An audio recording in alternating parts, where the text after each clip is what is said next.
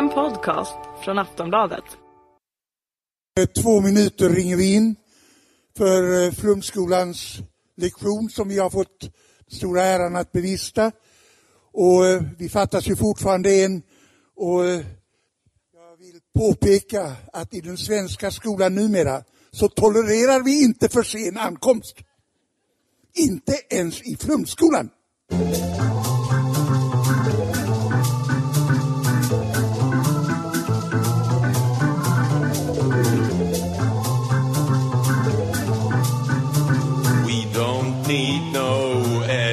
Vacation. Yeah.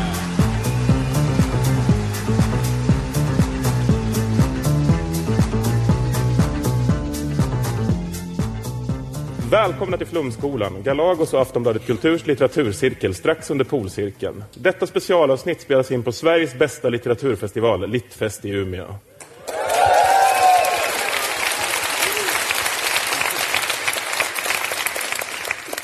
Inskrivna och redo för upprop i dagens avsnitt är inga mindre än Moa Lundqvist, komiker från Tankesmedjan i P3. Hej, hej, hej. Jonas Sjöstedt, partiledare för Vänsterpartiet. Lina Högström, musiker, mer känd under artistnamnet Skator. Och Ola Söderholm, komiker och podcastsatiriker från Lilla Drevet. Och samtalsledare här på Flumskolan är som vanligt jag, Johannes Klenell. Idag ska vi läsa en bok av Timbrogrävskopan, biståndsbekämparen och fackförbundsföraktaren Fredrik Segerfeld, känd för citat som Undrar om en reporter med bakgrund i Nationell idag som blivit fängslad i någon sunkig diktatur hade fått sommarprata. Eller? Man behöver plugga kanske två timmar om dagen för att ta examen i samhällsvetenskap. Studiebidrag är skattesubventionerat festande. Och det stora samhällsproblemet är inte rasismen, utan LO. Fredrik Segerfeldt är av den bestämda uppfattningen att statliga kulturstöd är ett tvång grundat i statens våldsmonopol. För att bevisa sin poäng crowdfundade han ihop 58 705 kronor av sina vänner för att skriva en bok om det. Boken, en hela 100 sidor tjock pamflett, utgår till större delen från en kväll då Fredrik och författaren Stig Larsson debatterade kulturstöd och genustrollet Per Ström lämnade offentligheten. Allt detta i tv-programmet SVT Debatt. I inledningen skriver han i boken beskriver jag kultursfären som ett kotteri där bekanta håller varandra om ryggen.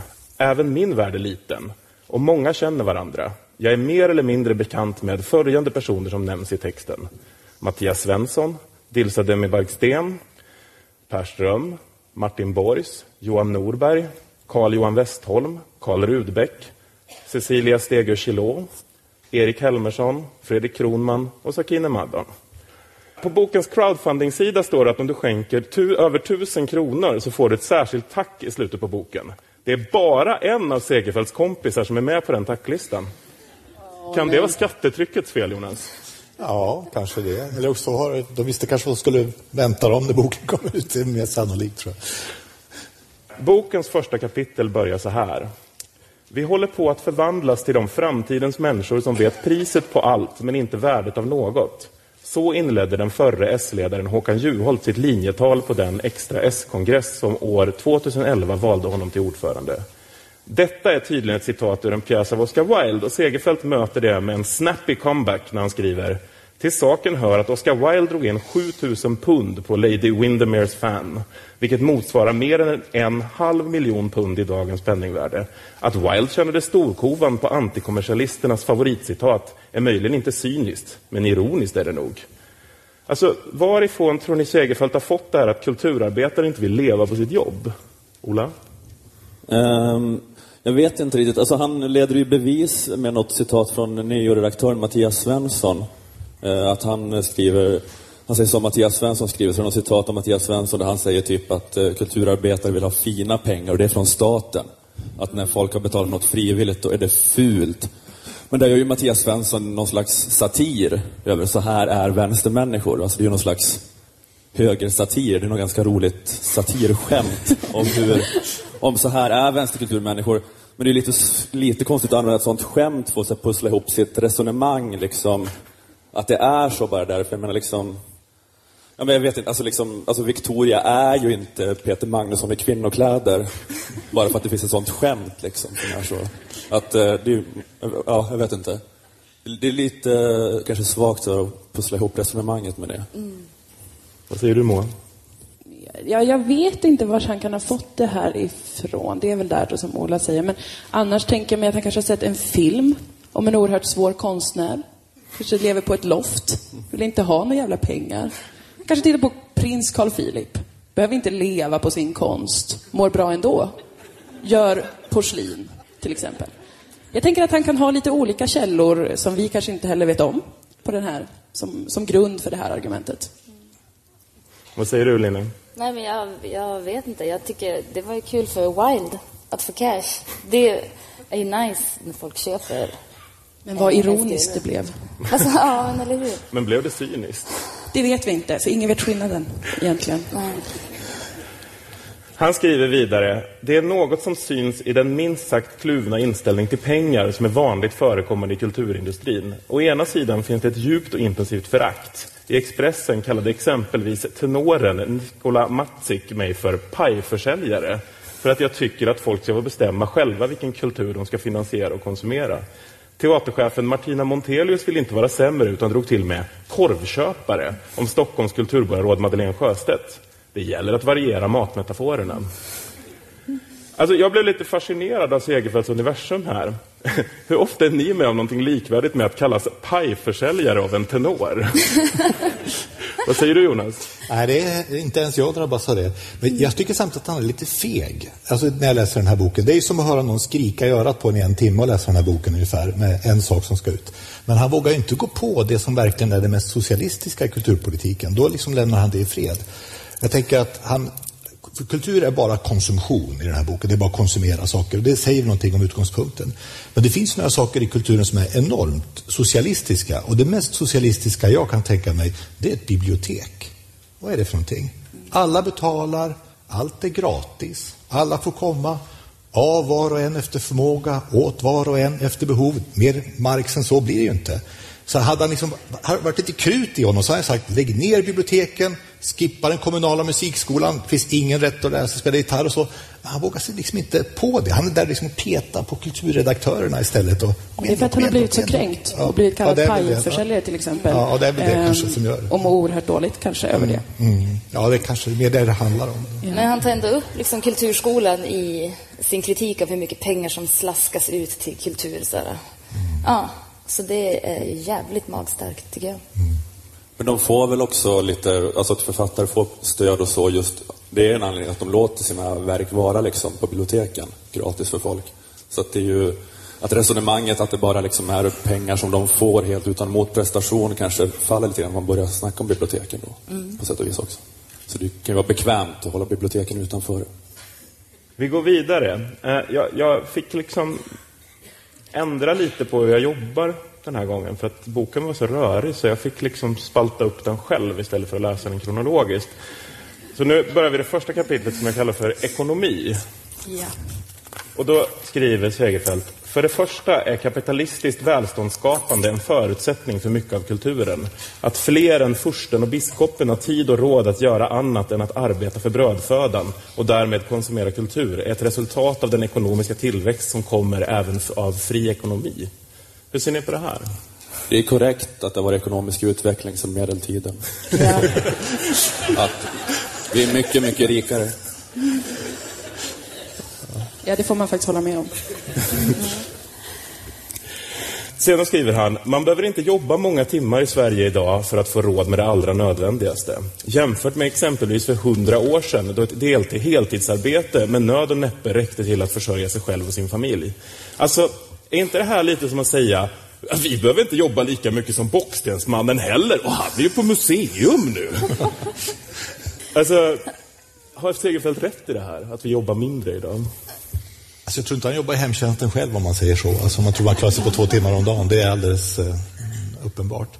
Alltså, genom hela boken går ju ett eh, klassförakt som en röd tråd kan man säga. Det finns en del helt underbara liksom, formuleringar av, av vem som Alltså, han, utgångspunkten är ju att någon som har ett vanligt jobb egentligen inte vill ha kultur. Det är liksom hela ingången på något sätt. Så det, nej, det är jättekonstigt. Men han tror inte heller på klassbegreppet. Nej, det är klart. får man inte glömma. Nej. Nej. Då är det svårt. Men jag tänker att i industrialismens begynnelse, det skulle kunna blivit så att vi använde effektiviteten till att vara lediga. Men hans liksom tillväxttänk om att det ska växa snabbare, prr, då vi har inte någon fritid nästan. Det behövde inte vara så. Han skriver ju även det är också i rika och dynamiska växande ekonomier som det upproriska avantgardet trivs bäst och bryter ny mark. Tror ni Bockstensmannen tänkte så också tills han redde ut på den där myren? Vad är det här för konstaterande egentligen? Alltså, påstår han alltså att det är liksom i ett borgerligt avantgarde som finns? Alltså att det bara är inom ekonomiskt säkra grupperingar som revolutionär kultur kan skapas? Vad säger Ola? Ja, jag vet inte. Nej, men det är väl kanske den här liksom Margaret Thatcher-grejen då, att det var bra för punken. Att det någon sån grej. Eller jag vet inte det är det Men, men han, Johannes Klenell startade Flumskolan när det har varit borgerlig regering i sju år men när man läste sin liksom, kulturhistoria, vars kom, eller liksom i musiken, vars kom gospel ifrån, vars kom rock'n'roll ifrån, vars kom allt ifrån, vars kom jazzen ifrån? Det är inte borgarna som bara, mm, jag ska testa dra ett gitarrsolo liksom. Han har valt ut sina, sina källor, sina referenser väldigt noggrant, kan man säga. Eh, det är ju, han kan ju nästan inte skriva en fullständig mening utan att referera till en annan man, en annan europé, kanske. Det är som att sitta med en liberal på en fest, på en hemmafest, eh, och försöka ha ett samtal, och det går inte. För det är så många referenser, och man känner sig lite dum, det gör man. Man har inte läst alla de här tusen böckerna som Fredrik Segerfeldt har läst. Men man kan också se ett mönster i vilka det är han kanske refererar till och vilken, vad det är som han räknar som kultur. Intressant att du säger det här, för nu kommer vi in på nästa citat som är så här.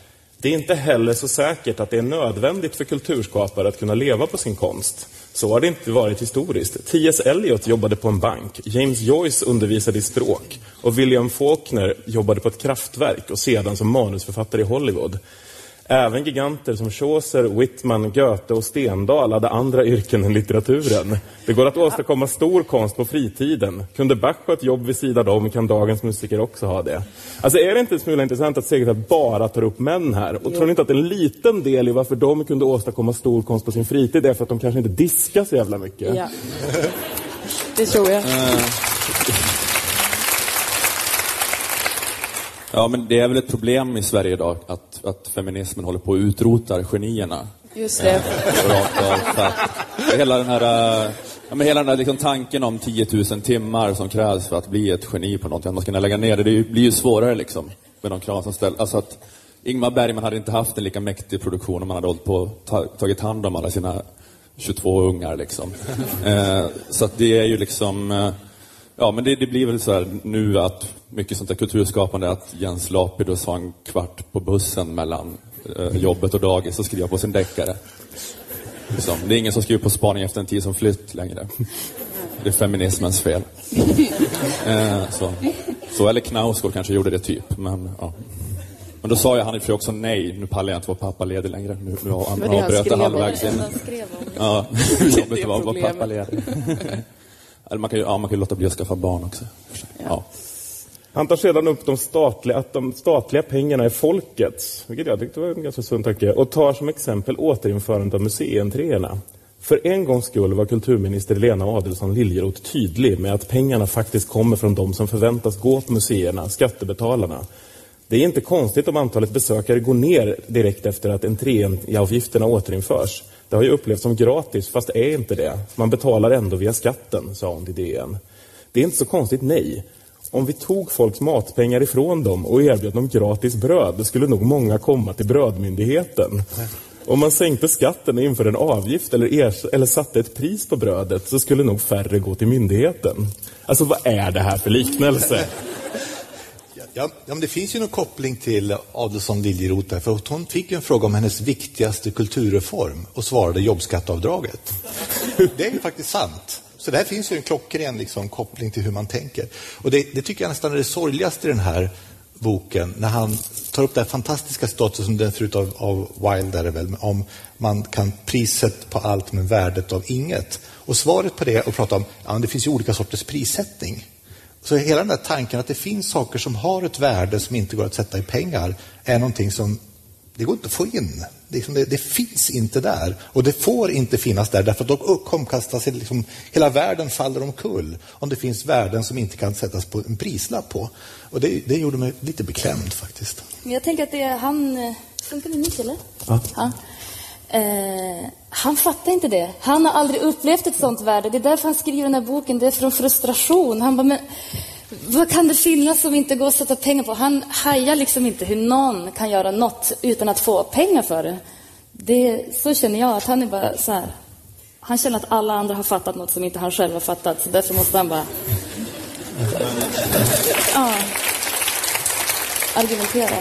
Men det, det, det är väl också att någon sån liksom marknadsliberal utopi, att det kanske går att värdera allting i pengar, fast det förutsätter så extremt rationella köpare på den här marknaden. Alltså som att liksom marknaden ska rädda klimatet. Liksom. Och för att det är rationellt att göra det. Liksom.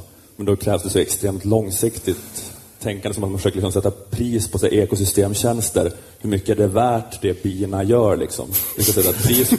Det är på riktigt, att man ska sätta ett pris på det så att, liksom, så att folk ska kunna bete sig rationellt på den här marknaden. Men det blir så fruktansvärt komplexa system så att det går inte.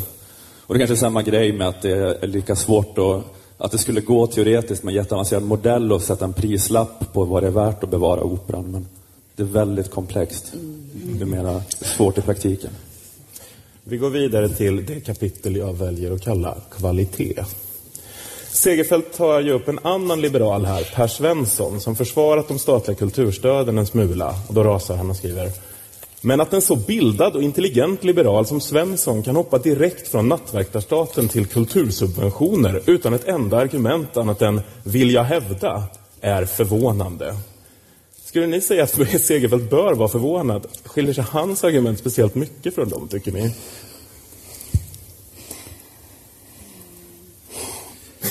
Alltså, han tar ju upp små exempel liksom ur sin... Eh, han Ja, tar upp små exempel och menar att de ska så här, eh, göra någon stor poäng. Men det är bara hans kompisar som har blivit kränkta och som han pratar om. Liksom. Vi ska ta en snabb titt på Segerfeldts argumentationsteknik när det kommer till sånt här. Det är inte säkert att Camilla Läckberg kan skriva kvalitetslitteratur. Men folk köper hennes böcker för att de får ut något av det. En tids spänning innan man släcker lampan på kvällen. Ett litet äventyr vid sommarstugan. Eller lite förströelse i båten. Två författare med odiskutabel litterär begåvning är dock paret Andoril. Alltså, hur anser ni att Segerfeldt lyckas belägga paret Andorils odiskutabla begåvning? Han, han planterade det aldrig riktigt, eh, det här paret som jag inte, fortfarande inte vet vilka det är. Eh, sen kommer de in och de är odiskutabelt, de är genier. Där hade man velat veta mer, det kan jag säga direkt. Att jag eh, hade uppskattat att veta mer om de här eh, geniala, det här paret Andoril.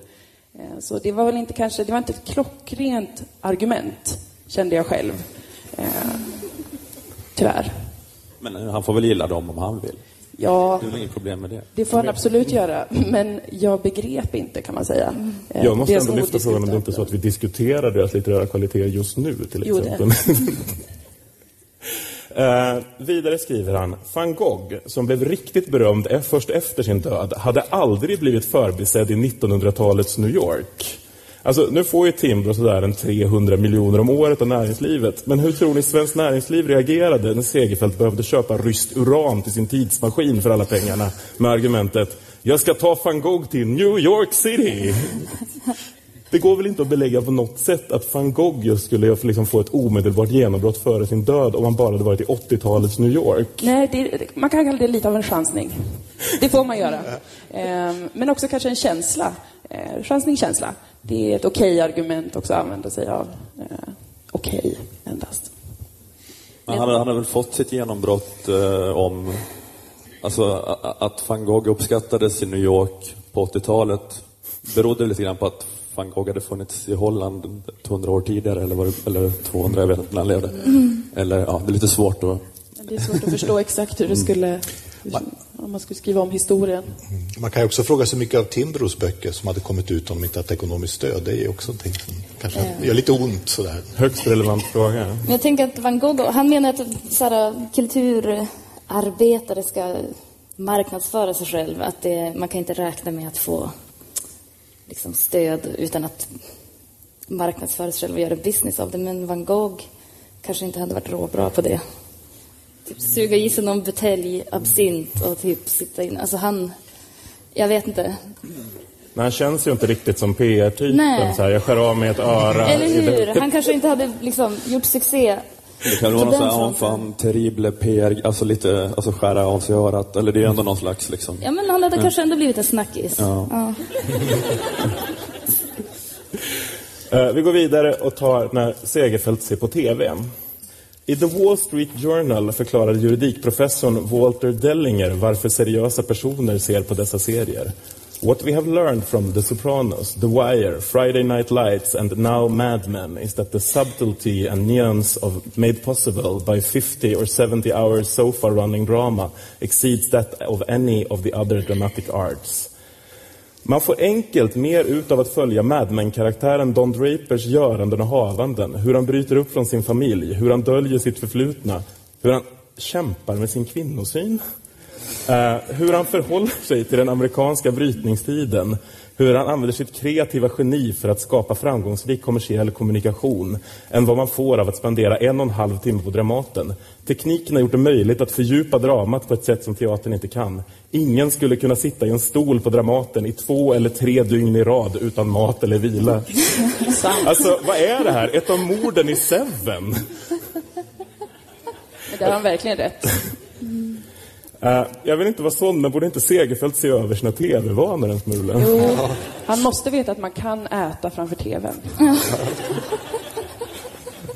Men det, är, ja, men det är väl bara något så här att det är bättre ju längre det är. Han har hittat någon sån liksom magisk formel för hur bra kultur är. Eh, att eh, teatern är inte flera dygn lång.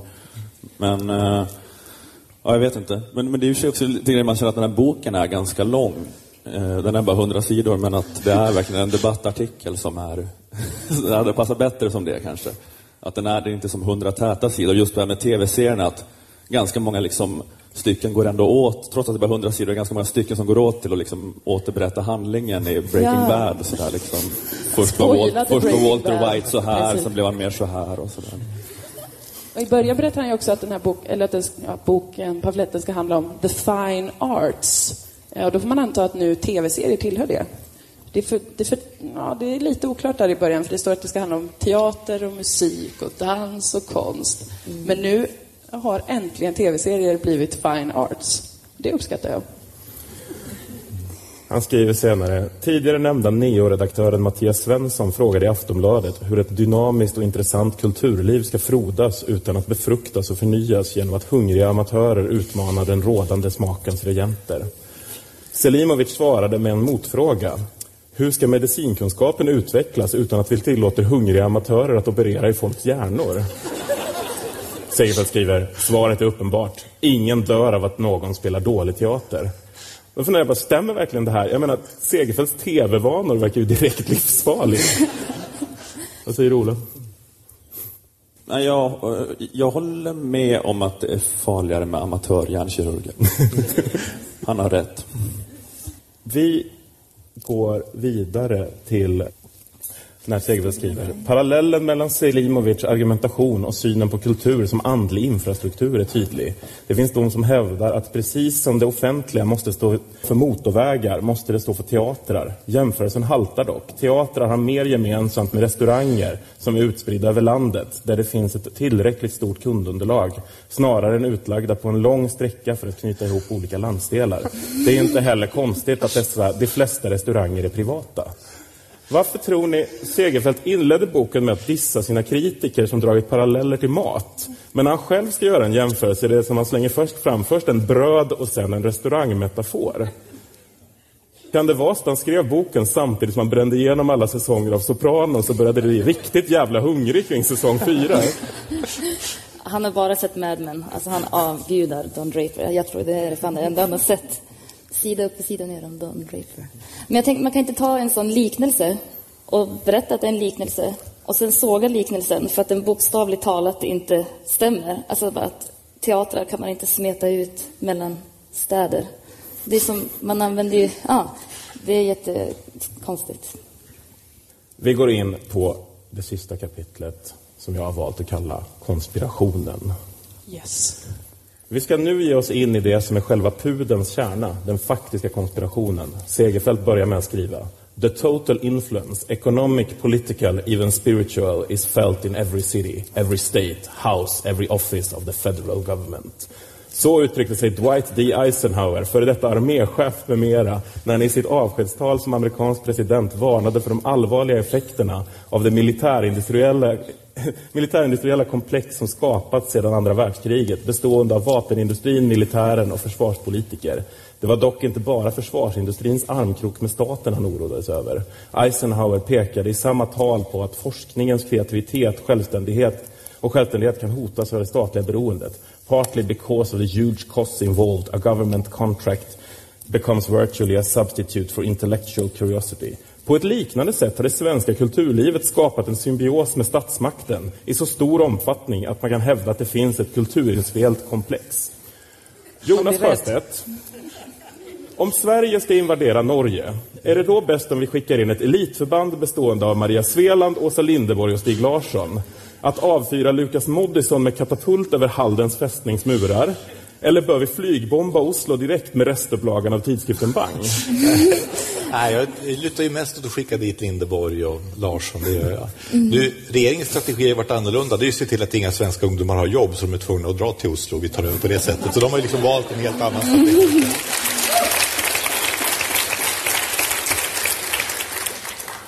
Men hur rimlig är den här jämförelsen mellan svenska kulturpolitiken och USAs armé?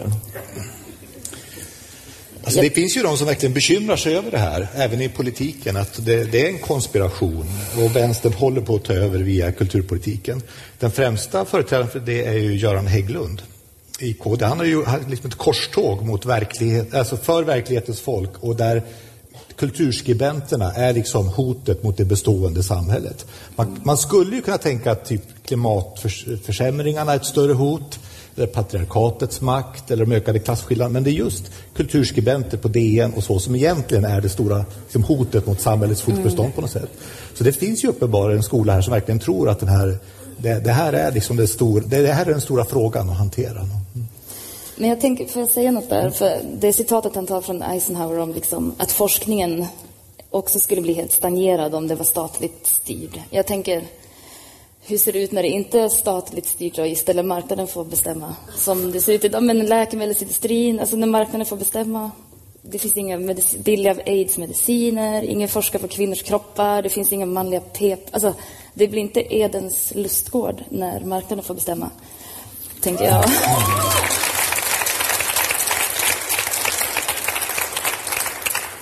Segerfeldt skriver i alla fall, det är svårt att uppskatta hur stort det kulturindustriella komplexet är. Det finns ingen officiell statistik om hur många kulturarbetare som försörjs av skattemedel. Vidare skriver Segerfeldt så här.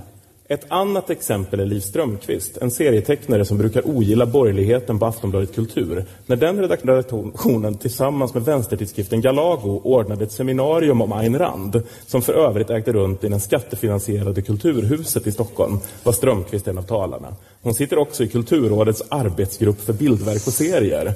Tänk om det fanns en tecknare som på Svenska Dagbladets ledarsida ritade bilder av Karl Petter Thorvaldsson som Jimmy Hoffa.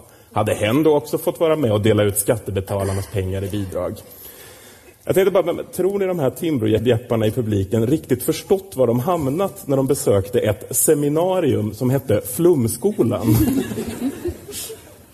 Men det är alltså Flumskolan som man skriver om här? Ja. Det är väldigt meta. Extremt meta. Herregud. Ja, men det är en obehag... Det är, han skriver på ett sätt som man själv känner att det börjar bli lite obehagligt faktiskt. Det, är, det, det, det är liksom, vi vet inte, det finns ingen statistik. Allting förs i mörkret, den här oerhörda konspirationen. Det är ju så man liksom kan, kan bli riktigt rädd. Men det finns väl ändå, det borde väl finnas någon slags statistik, kan man tänka. Alltså det, det borde inte vara omöjligt att ta reda på. Men säg egentligen inte någonstans 32 000 som jobb, eller det är hur mycket? Det är bara Göteborg. Nej, han säger att 32 000 jobbar i Var det Göteborg, eller? Nej, det var 2000. Förlåt. Ja, 32 000 han räknar ut kanske är anställda på något vis. Kultursektorn säger att det är lika många som bor i Eslöv. Det är ingen så här bra grej att som slagträ Eslöv, det är inte som man baxnar. Oj, Eslöv! Helvete! Vad många. Och alla som var med i filmen sl- Ja, nej. Det är lätt att tro att Segerfeldt nått slutet på sin Guilt by Association-resa ungefär här. Men som det proffs han är har han lite mer att ge när han utbrister. Det är i detta sammanhang man, kan, man ska se det numera vitt spridda bruket av begreppet kulturarbetare. Den kommunistiska sovjetdiktatorn Josef Stalin använde det för att ge konstnärer och andra en del i byggandet av revolutionen. Alltså, är det helt rimligt att landets kulturarbetare ska kopplas ihop med Stalin? Jag vet, kanske Sven Wollter. Ja, men annars känns det taskigt. Eh, så. Men jag tänkte också på det med eh, det där exemplet han har med om det var eh, att den eh, satirtecknare som ritade liksom Jimmy Hoffa Jimmy Hoffa var liksom en amerikansk fackföreningsledare som var lite kriminellt anstruken. Eh, och alltså sammankopplingar med maffian, alltså han var lite... Men, eller det är bara det är så svårt att förstå att man... Det är svårt att tro att man skulle bli så framgångsrik som serietecknare om man jobbade med Jimmy Hoffa-referenshumor. det är väldigt smalt, så då behöver man verkligen någon välvillig liksom mecenat eller crowdfundare. Så, men eh, jag kan ju tänka mig att det kanske är så, han, han kanske har en poäng i att det finns lite sådär vänsterkotterier liksom på sådana där positioner. Eh, Men att det kanske ändå finns något sådär nästan rimligt i det. För att jag, eller jag tänker just om man håller på och gör eh, satirteckningar där Karl Petter Thorwaldsson framställs som Jimmy Hoffa eh, så får man ju en miljard av Timbro. Eller att det är, att det liksom är så, eh, alltså om man håller på med tankesmedjor eller liksom kultur eller så som för högens intressen, som för de rikas intressen, så är det av någon anledning så mycket lättare att få det finansierat på något sätt. Om man ska hålla på med kultur som inte säljer sig självt så måste man antingen få liksom en mecenat eller statligt kulturstöd. Och om det är så mycket lättare där att få de här mecenaterna, då kanske för mångfaldens skull kanske det är lit, att det är lite naturligt att härifrån Kulturrådet ofta hamnar hos liksom vänsterkonstnärer. De har svårare att, att crowdfunda bland hans Timbro-kompisar. Vi kommer lite dit nu, för nu är han arg över det numera avskaffade kultur, konstnärslönen, den statliga inkomstgarantin. Men han skriver ändå om den. Och då skriver han, bland de som uppbär konstnärslön återfinns clownen Manne, musikern Freddy Wadling och schackspelaren Ulf Andersson. En rad kända personer med tydligt uttalade vänsteråsikter uppbär också lönen, som författarna Jan Myrdal, Sven Lindqvist och Stig Larsson, filmarna Roy Andersson, Maj Wechselman och Stefan Jarl samt konstnären Carl Johan De Geer. Det är alltså ett utmärkt verktyg för att bidra till vänsterhegemonin i kulturlivet upprätthålls. Menar alltså Segerfeldt att clownen Manne får statlig inkomstgaranti för att upprätthålla stalinismen? Ja. Så både clowner och Stalin är ju läskiga. Ja, för fan. Jag visste inte att clownen Manne fick, fick detta. Tycker jag känns obehagligt faktiskt. Det här är helt med Segerfeldt. Clownen Manne, nej, där drar jag någon slags gräns. Förlåt, clownen Manne. Man hör. Jag tycker det verkar som att Segerfeldt bär på någon sorts sorg. Eh, Alltså, på något vis. Hur många komiker som står till höger som är bra finns det? Hur många kommer ni på? Hur mycket musiker med uttalade högeråsikter kliver fram och liksom tar ställning för... Mange Schmidt. Ja, det, ja, det, det är liksom... Ja, för kulturen är väl i sig maktkritisk ofta. Alltså kritiserar maktsystem och sådär oavsett vilk- vilka de är. Och han kan liksom inte riktigt smälta det där, tror jag, att, det är på det sättet. Han skriver någonstans, det kanske kommer till det, till den här med sossarnas möte på... Ja, Ja, vi- jag håller... vi är strax där. Yes. Vi kan faktiskt gå dit direkt nu. I oktober år 2011 ägde det rum en middag på Socialdemokraternas högkvarter på Sveavägen 68 i Stockholm. Det var partiledaren Håkan Juholt som bjudit in ett tjog vänstervridna intellektuella. Syftet var att diskutera kulturens roll i ett radikalt samhällsbyggande. Man kan inte riktigt se Stalins konspiratörer här. Va? Är det här ett skämt om Håkan Juholts mustasch? Vi ska faktiskt där reenakta Segerfeldts hjärna och komma fram till vad som hände på den där middagen hos Håkan Juholt genom att leka leken Bygg ditt eget lilla Saltsjöbadsavtal. Ehm, Jag har den här foliehatten här. Med ett antal lappar med ord. Eh, nu ska ni dra fyra lappar ur hatten och orden ska tillsammans bilda meningen det var mhm, och mhm, som statsfinansierade mhm, med hos. Moa, Wow. du får börja. Ska jag ta fyra stycken på en gång? Eh, Du drar en i taget. En i taget. Det var Det var Sametinget, och eh, Ravekommissionen. Ravekommission. Ravekommissionen. Hur gammal är du? Men? Ja, men jag är ganska gammal. Ravekommissionen. Som Same... statsfinansierade Freden i Brömsebron. Nej, nu! med Fy fan, nu blir man förbannad. Mastodontfilm. Typiskt hos hos... Herregud. Ska vi se. Äntligen får vi svaret. Hos Kulturhuvudstadsåret. Det händer här. Jonas, du ska få en chans med hatten också. Det var ska vi se här. Det var Dennis Lyxzén. Ja, just och Eh, Nu ska vi se här vad han jobbar med. Han jobbar med hike. Jaha. Hike. hike. Var hike? Det är det här programmet man frågar vilket Jag är skogens största djur? det är. Ja. Märkvärdigt älgen. Ja.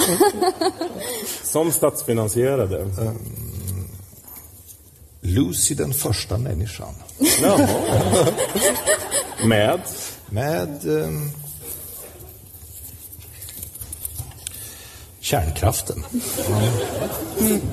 hos den där tidsmaskinen vi pratade om innan. Hos ehm, Ungdomens nykterhetsförbund. Ja. Det är fullständigt logiskt. Vill du ha en chans Lina? ja, för tusan. Det var? Det var allas vår favorit Carl, Fils, Carl Bildt. Och? Eh, Frihetsfronten. Som statsfinansierad. Det här låter helt orimligt. Queertopia-festivalen. Med? Skunk. Hos? Elefantmannen. Ola. Du får den sista. Okej. Eh, Det var? Det var Palmegruppen Och och eh, Harry Brandelius. som statsfinansierade. Eh, mangamålet. Med Proletariatet, diktatur hos hos Stödstrumporna. Tror ni det var lite så det gick till när han skrev den här boken? Ja, jag känner att jag har lust att skriva en bok nu. Om de är Där känns det Sametingets eh, sponsor. För att avrunda då. Segerfeldt ser ju inte bara problem, han ser lösningar och skriver så här. Crowdfunding är en ny folkrörelse där människor får välja själva vad de ska finansiera öppnar de sina plånböcker. Det ökar engagemanget för, och för kulturen och det skapar det. och det ger mer makt till medborgaren på bekostnad av byråkraten och politikern. Och uppenbarligen är det inte bara Melodifestival, Jönssonligan och Stig Larsson människor är ute efter. Inte ens när de får bestämma själva. I alla fall inte på andra sidan Atlanten. Är det verkligen jättekonstigt att man inte vill crowdfunda Melodifestivalen och Jönssonligan-rullar i USA? Eller vad menar han här? Ja, just, men det här är lite problemet med eh, att det är eh, med, ett litet språkområde. Det har jag också tänkt på, just det där med eh, att det- det är någon, eller någon poäng som, han, han nämner någon gång, fast han, tar, han säger liksom, han motbevisar inte riktigt. Just det här att, eller han pratar om så Breaking Bad, när de var på piken av sina tittarsiffror, när de hade som mest tittare så hade de 19 miljoner och sånt där. Och översätter man det till svenska förhållanden så det är liksom så här 7 800 000. Och om TV4 har satsat på en dramaserie som ska gå 20.00 på primetime, då lägger de ner den ifall de har de tittarsiffrorna. Så att det är liksom, det är alltså större behov av sån här eh, politik, tänker jag, i små språk som svenskarna. Så, ja, om du ger ut en diktsamling och 0,1 procent av alla engelsktalande i världen köper den så blir du typ rik. Men här är det ju, är det liksom 500 spänn kanske får för det. Sant. Han skriver ju även debattböcker kan finansieras genom crowdfunding. Det är denna bok ett bevis på. Under april och maj 2013 donerade personer frivilligt sammanlagt 59 805. Det är faktiskt 1000 spänn mer än vad det stod på själva crowdfunding-sidan. Jag vet inte riktigt hur det gick till. För att möjliggöra arbetet med och publiceringen av boken. Det är den andra boken jag finansierar på detta sätt. Handen på hjärtat. Av de 157 personer som skänkt pengar till projektet, hur många tror ni har läst boken? De var säkert för releasefesten, för det är hans polare, men jag vet inte om de har läst. Jag, jag tror att de har läst. De har ändå gjort en investering här. Då måste man på något sätt få, få utdelning, tänker jag. Så jag tror att de har, har läst den här boken. Och glatts. Egentligen räcker det med att läsa en sida i boken, så har man läst boken. För det känns som någon står och skriker i örat på en en timme när man, när, man, när man läser den. Och sen upprepar den, kommer liksom tillbaks samma saker. Så att, ja, har man gjort det så. Men han menar att man ska crowdfunda allt, att inget ska få liksom pengar från... Men jag tänker, hur mycket tid skulle det gå åt att crowdfunda varenda grej jag vill konsumera? Varje låt, varje skiva, varje... Liksom, det blir en heltid att bara säga vilka filmer vill jag eventuellt se i framtiden? Alltså, det är liksom inte rimligt överhuvudtaget, tycker jag. Men han kanske har mycket fritid och tycker det är kul. Jag vet inte. En person som stöttat projektet var nio-redaktören Mattias Svensson. Segis skriver Exempelvis uppmanade tidigare nämnda Mattias Svensson, han skriver tidigare nämnda Mattias Svensson väldigt många gånger, eh, sina vänner på Facebook att bidra till insamlingen till denna bok med följande text. Man skulle kunna köpa citroner och leverera dem hem till den statsunderstödda kulturelitens ledande företrädare med instruktioner om att bita i dem. Då blir de sura. Men det drar snabbt iväg kostnadsmässigt och inte alla får uppleva att se deras minspel spegla deras själsliga bitterhet. Så vad kan man istället göra för att sponsra Fredrik Se- gö- vad man istället kan göra är att sponsra Fredrik Segerfeldts bok om varför vi inte ska ha kulturpolitik. Samma effekt men billigare, roligare och mer varaktig effekt på kultursidorna. Gör det du med. Det blev inte så mycket effekt på kultursidorna. Lite överskattat eh, kraften i den här boken kanske. Hur sura blev ni? Jonas, blir du någon sur? Nej, så jag, jag satt ju och läste ut den igår kväll och egentligen eh, mer intresserad av att dricka ett glas vin med min fru. Och det fick jag ju inte göra och då blev jag lite sur. Det, det är väl den med största effekten jag hade. Jag tyckte det var spännande. Det var som att läsa en deckare. Jag uppskattar den här eh, känslan av att det händer någonting eh, där ute. Eh, jag uppskattar konspirationer väldigt mycket, så jag tyckte att det var väldigt eh, spännande där eh, tidvis. Inte, inte hela tiden, men tidvis. Blir du någon sur Lina? Ja, jag vet inte om jag blir sur eller inte. Jag, det är lite oklart. Spännande att, förs försöka haja vad han vill. Jag tyckte faktiskt också att på riktigt att det var lite intressant ändå just för att Alltså om man har någon, hade någon poäng så var det det här med att det liberala perspektivet ändå lite grann skrattas bort för att det finns ju ändå lite så, man pratar om den intellektuella stängda miljön inom så här kulturvänster att alltså det är så mycket saker som är underförstådda så att det inte är förstått till slut nästan. Han pratar om den här debatten de har på, om klasskillnader eh, på eh, Dramaten. Det var så snyftig historia. Ja, precis. Det var massa vänstermänniskor och så alla mot honom. Eh, och sådär. Men, men att det känns kanske lite grann som att eh, de nästan, eh, att alla vet, att all, alla där vet att de är emot klasskillnader. Men de har liksom inte fått pröva sina argument för att de bara är i sitt slutna system. Så att det liksom, när han då kommer och börjar prata om att det är bra med större liksom klasskillnader, för det ökar tillväxten. Alltså någonstans så har ju han rätt i det liksom. Alltså på ett sätt, alltså, att som i USA, de har ju liksom mera pengar där om man pratar privat köpkraft och privat konsumtion. Alltså, även medelinkomsten ökar ju ifall de rikaste blir rikare. Eh, men sen så kanske det är ändå en dålig affär liksom för att i ett sånt samhälle så är det offentliga finansiering av ens kostnader. Man måste köpa alla försäkringar själv och allt det här dåliga med att det är ett ojämlikt samhälle för att det blir sämre tillit och eh, sammanhållning och bla bla bla. Men eh, så man kan ju liksom såklart eh, förklara då varför det är dåligt med ojämlika samhällen men att det kanske blir en sån miljö ibland att man inte ens har verktyg för att förklara det för att de liksom, när, han bör, när han börjar prata om tillväxt kanske de inte ens vet vad han snackar om. Att deras ekonomiska analys kanske är så att ja, men det är jättelätt att skapa rikedom, vi bara stormar slottet och tar alla juvelerna. Så kanske det låg Kauppi, och det vet jag inget om. Men, men jag tänkte bara om det fanns, om jag ska hitta någon poäng i det, jag tänkte att det ändå var lite så här, eh, att det var lite spännande ändå att ha det perspektivet. För att avsluta nu då. Vad har du lärt dig av att läsa den här boken? Då? Ehm, Jag har väl främst fått en liten inblick i Fredrik Segerfeldts värld, vilket jag alltid uppskattar. Ehm, Sen har jag lärt mig att för att prata med honom skulle jag behöva läsa 50 000 böcker skrivna av andra män och kolla på teatrar gjorda av män och kolla på kanske en dans gjord av en man för att jag ska kunna förstå allting. Eh, Så det har jag lärt mig. Eh, Viktigt att läsa på när man pratar med Fredrik. Vad säger du Jonas, vad har du lärt dig? Ja, vad har jag lärt mig? Ehm, Om jag förstod det rätt så har ju han sökt någon sorts kulturstöd för att ge ut den här boken men fick nej. Eh, och då, då är det ändå så att svensk kulturpolitik någonstans fungerar med någon sorts... Eh, så även om det är väldigt subjektivt, för det är det ju med kultur, vad man tycker om och vad man inte tycker om, så kändes det ändå som att det gav lite tillförsikt. Så. Vad säger du Lina? Snabbt, vad har du lärt dig? Ja, jag vet inte vad jag har lärt mig. Kanske lite som du var inne på, man får slipa sina argument. Eh, och att det, ja, man är ovan att läsa folk som bara, nej, det är inte alls något dåligt med ökade klasskillnader. Det är inte alls något dåligt med att jämna ut liksom, eh, utbudet av kultur. Och så. Ja, men det var, det var spännande att liksom, läsa något från andra sidan. Det lustiga här är att Hydra förlag som sagt faktiskt stök, sökte litteraturstöd från Kulturrådet för boken men fick avslag. För att inte vara sämre hörde vi av oss till stiftelsen Funded by Me för att crowdfunda det här avsnittet av Flumskolan och fick då svaret Hej! Tack för att ni sänt in en kampanj till Funded by Me.